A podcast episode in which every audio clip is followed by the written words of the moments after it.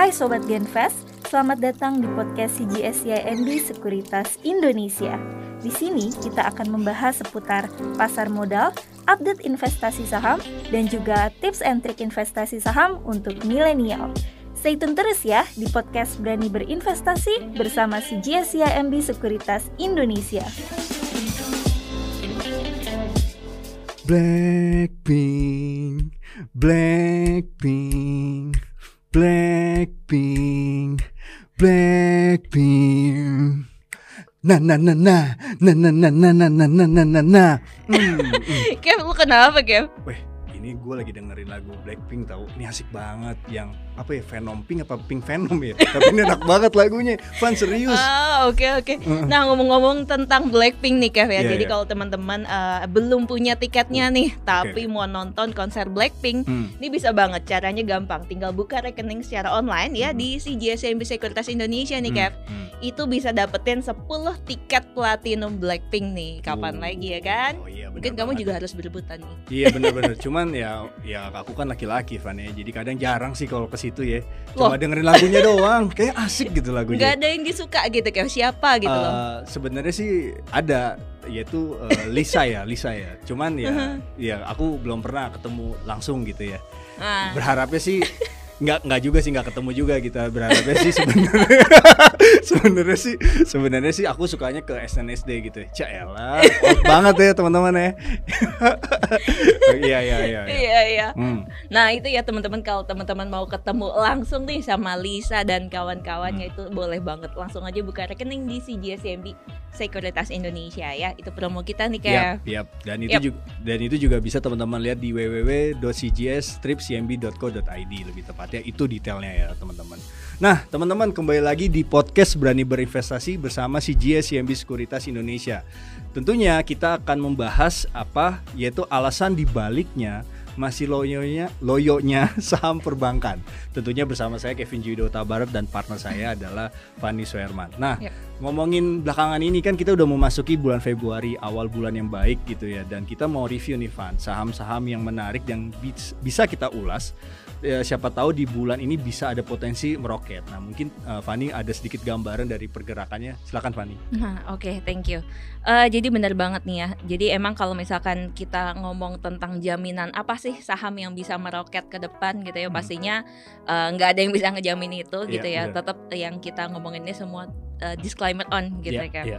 Nah, cuma kalau kita cermati nih teman-teman ya sepanjang satu bulan terakhir memang saham dengan turnover tertinggi ya itu masih di eh, BCA, kemudian eh, di BRI, Mandiri dan juga di Goto ya. Ya. Dan eh, menariknya adalah dalam satu bulan terakhir kalau kita lihat ini net sale asing paling besar itu justru di eh, Mandiri itu sekitar 2 triliun. Eh, kemudian di BCA ini sekitar 690 eh, miliar gitu ya. Sedangkan di BRI ini cenderung uh, kecil gitu lumayan kecil net Hmm. sale-nya itu hanya 3,8 miliar dan di Goto ini asingnya uh, lumayan gitu ya net buy-nya tuh 123 uh, miliar gitu kan. Oh, Oke, jadi itu ya gambarannya dari segi pergerakan dari terakhir ini ya. Nah, Yep. Van, kalau kita bicara uh, dalam satu bulan terakhir, dari data yang saya lihat nih, teman-teman, di sini kalau kita perhatikan net sale asing itu di regular market itu sebesar 33,5 miliar rupiah. Dan ini ternyata menjadi penyumbang besar itu ada di sektoral big banks ya. Nah, ini kira-kira kenapa nih Van bisa seperti itu? Oke, eh, jadi emang kalau misalkan kita lihat ya, jadi yang paling banyak dipegang oleh asing itu memang adalah di BCA dan juga di Mandiri gitu ya. Jadi eh, ini sebenarnya wajar teman-teman ketika terjadi outflow akibat reopening China ya. Mungkin saya nggak usah lebih detailin lagi nih, pasti teman-teman Iya. bosan ya. Iya. Kalau udah sering ikutan kita di BTS, di AADS, terus juga di eh, podcast-podcast kita sebelumnya itu kita udah jelasin gitu ya. Kenapa sih ketika reopening China ini potensi terjadi eh, outflow seperti itu? Iya. Dan eh, kalau misalkan kita lihat, memang eh, ketika ada outflow, otomatis yang mereka buang itu yang paling banyak mereka pegang, gitu kan, Hmm. which is itu Mandiri dan juga BCA, Hmm. gitu ya. Makanya eh, di situ paling gede net sale-nya. Tapi di sisi lain, memang kalau kita lihat di BRI sendiri, asing tuh cenderung agak netral gitu ya. Hmm. Jadi makanya keluarnya juga nggak terlalu gede banget nih outflow-nya gitu ya. Oke. Nah, sedangkan di BNI karena memang asingnya tuh cenderung underweight, nah makanya ini eh, lebih ke net buy Oh, Oke. gitu. Oke. Kurang lebih gitu sih. Oke, jadi kalau kita lihat teman-teman memang dari segi pergerakan asing memang kecenderungan net sell paling besar di BCA maupun Mhm. juga Bank Mandiri. Yep. Dan kecenderungan yang dua saham yang selanjutnya yaitu BNI ini memang kalau kita lihat dari data juga masih bergerak teritorinya lebih ke arah uh, BNI untuk underweight lalu, lalu juga BRI lebih netral nih asingnya. Nah, kira-kira untuk inflow dan outflow dari kedua saham BRI dan BNI ini Mhm. uh, ada lebih lanjut lagi nggak Van untuk katalisnya? Oke, eh, mungkin kita highlight lagi nih ya. Ya. Jadi untuk eh, BRI ini memang eh, net cuma 3,8 miliar Ya. dibandingkan kayak Mandiri itu yang tadi eh, teman-teman udah eh, dengerin sebelumnya gitu Hmm. ya. Itu net sell-nya bisa sampai sekitar 2 triliunan gitu. Hmm. Nah, untuk BNI ini malah net buy, net buy-nya itu 770 miliar nih dalam Hmm. satu bulan terakhir. Jadi kalau teman-teman bandingkan dari uh, four big banks yang ada ya, mungkin ini memang cuma BNI doang nih satu-satunya yang di net buy oleh asing gitu Hmm. di mana uh, yang lain tuh semuanya lebih ke arah uh, net sell dalam Hmm. satu bulan uh, terakhir gitu ya. Hmm. Kalau ditanya uh, kenapa sih cuma BNI nih yang di net buy gitu ya. Jadi memang kalau kita lihat dari segi evaluasinya terutama uh, let's say PBV-nya gitu ya. Untuk BNI ini paling murah dibandingkan dengan peersnya. Jadi uh, untuk BNI itu sekitar uh, satu kali aja, dan sedangkan di peers big banks itu kurang lebih PBV-nya sekitar dua kali. Hmm. Gitu kan. Oke, jadi itu ya eh, secara garis besar ya teman-teman Mm-hmm. dari pergerakan atau saham eh, BNI maupun BBRI. Nah, tentunya teman-teman kalau kita lihat memang dari segi laporan keuangan Bank BNI, BNI Platnam ini juga laporan keuangan juga bagus ya. Dari segi pergerakannya cukup cukup oke dari eh, tendensi pergerakan sahamnya maupun juga dari laporan keuangan terakhir. Nah, memang yang kita tunggu-tunggu adalah saham BBRI Mhm. yang direncanakan juga akan dirilis ya di bulan ini. Mudah-mudahan ini eh, setelah eh, podcast mungkin saja ada eh, perilisan BRI ya. Kira-kira kita bisa melihat ya untuk gambaran besarnya BRI bagaimana. Nah, Van, tapi kalau bisa kita komparasi ya dari BCA lalu juga Bank Mandiri, kita lihat BNI, ini gimana sih eh, dari segi komparasi segi fundamentalnya apa yang bisa di highlight untuk saat ini? Silakan Van. Oke, eh, jadi kalau misalkan teman-teman tanya gitu ya, tadi secara valuasi kita udah bahas Ya, gitu, emang eh, paling murah eh, masih ke BNI gitu Ya. ya. Tapi kalau dari segi eh, result nih, kemarin kan udah pada keluar nih ya, Ya. result eh, Mandiri, kemudian BCA dan juga BNI. Eh, kalau kita lihat tiga-tiganya resultnya ini semua di atas ekspektasi, eh, kurang lebih tuh sekitar 2 sampai 3% di atas konsensus gitu Oke. ya. Dan eh, kalau kita bandingkan pertama dari segi katakanlah net profit dulu nih teman-teman. Hmm. Jadi eh, untuk BCA itu net profitnya naiknya 29,6 persen. Kemudian untuk Mandiri ini naiknya 46,9 persen. Oke. Eh, dan BNI ini naiknya 68 persen secara year on year gitu Hmm, ya. baik. Dan uh, next kalau selain net profit kita juga harus membandingkan yang namanya pertumbuhan loan gitu ya karena perbankan ini pasti erat dengan uh, kaitannya loan gitu ya. ya. Berapa sih loan yang uh, bisa mereka berikan gitu ya. Uh, kalau kita lihat untuk uh, Mandiri ini tumbuhnya 14,5% secara year on year untuk loannya kemudian uh, BCA ini di 11,7 persen secara year on year dan juga untuk BNI ini tumbuhnya 10,9 uh, persen secara year on year. Hmm. Dan uh, lalu kalau misalkan kita udah ngomongin tadi ada net profit, terus ada loan ya, ini pasti kita juga uh, butuh tahu kira-kira tingkat kasanya berapa sih gitu ya. Hmm. Nah untuk teman-teman yang mungkin belum familiar nih Yeah, dengan kasa ya, kasa ini nih kayak uh, pendanaan yang murah gitu ya Yeah. untuk perbankan. Jadi makin tinggi tingkat kasanya maka itu makin bagus nih untuk uh, profit si banknya Oke, gitu ya. oke. Nah kalau kita lihat tingkat kasanya memang yang uh, paling tinggi pasti BCA ya. Hmm. Uh, itu 81,6 persen. Kemudian untuk Mandiri ini di 73,4 persen dan juga untuk BNI ini di 72,4 persen gitu ya. Hmm. Dan uh, next kalau kita bandingkan lagi dari segi uh, loan to deposit ratio-nya gitu ya atau Hmm. yang dikenal dengan LDR nih teman-teman. Ya. Jadi LDR ini sebetulnya uh, kita cari yang nggak boleh terlalu tinggi-tinggi banget gitu ya, Hmm. tapi nggak boleh terlalu rendah juga gitu ya. Hmm. Eh, kenapa? Karena sebetulnya kalau LDR ini makin tinggi, berarti tingkat likuiditas untuk si banknya tuh makin ketat, Iya. gitu. Jadi otomatis eh, untuk mereka kasih loan tuh agak sulit gitu Hmm, ya. hmm. Kalau kita lihat dari tingkat LDR-nya nih teman-teman, jadi untuk um, Mandiri ini ada di 80,2 persen, kemudian untuk BCA ini ada di 68,4 persen, dan Hmm. juga untuk BNI ini ada di 84,2 uh, persen. Seperti itu ya. Dan uh, kalau kita ngomongin nih tadi ya tentang uh, perbankan, ini juga pastinya kita harus tahu kira-kira berapa sih tingkat uh, NPL coverage-nya Hmm. gitu ya. Karena ini uh, rentan banget dengan uh, potensi gagal bayar gitu. Iya. Jadi uh, kita tahu ya ini kondisi yang maksudnya mungkin tahun yang banyak orang bilang bisa terjadi resesi, uh, pelemahan ekonomi gitu ya dan sebagainya. Jadi uh, makanya banyak perbankan yang um, apa ya mencoba membuat cadangan gitu istilahnya gitu ya. Nah ini bisa kita lihat dari segi uh, NPL coverage-nya nih teman-teman. Jadi makin tinggi ini sebetulnya makin bagus ya. Hmm. Nah kalau kita lihat uh, dari segi NPL coverage-nya untuk uh, Mandiri ini ada di 285 persen.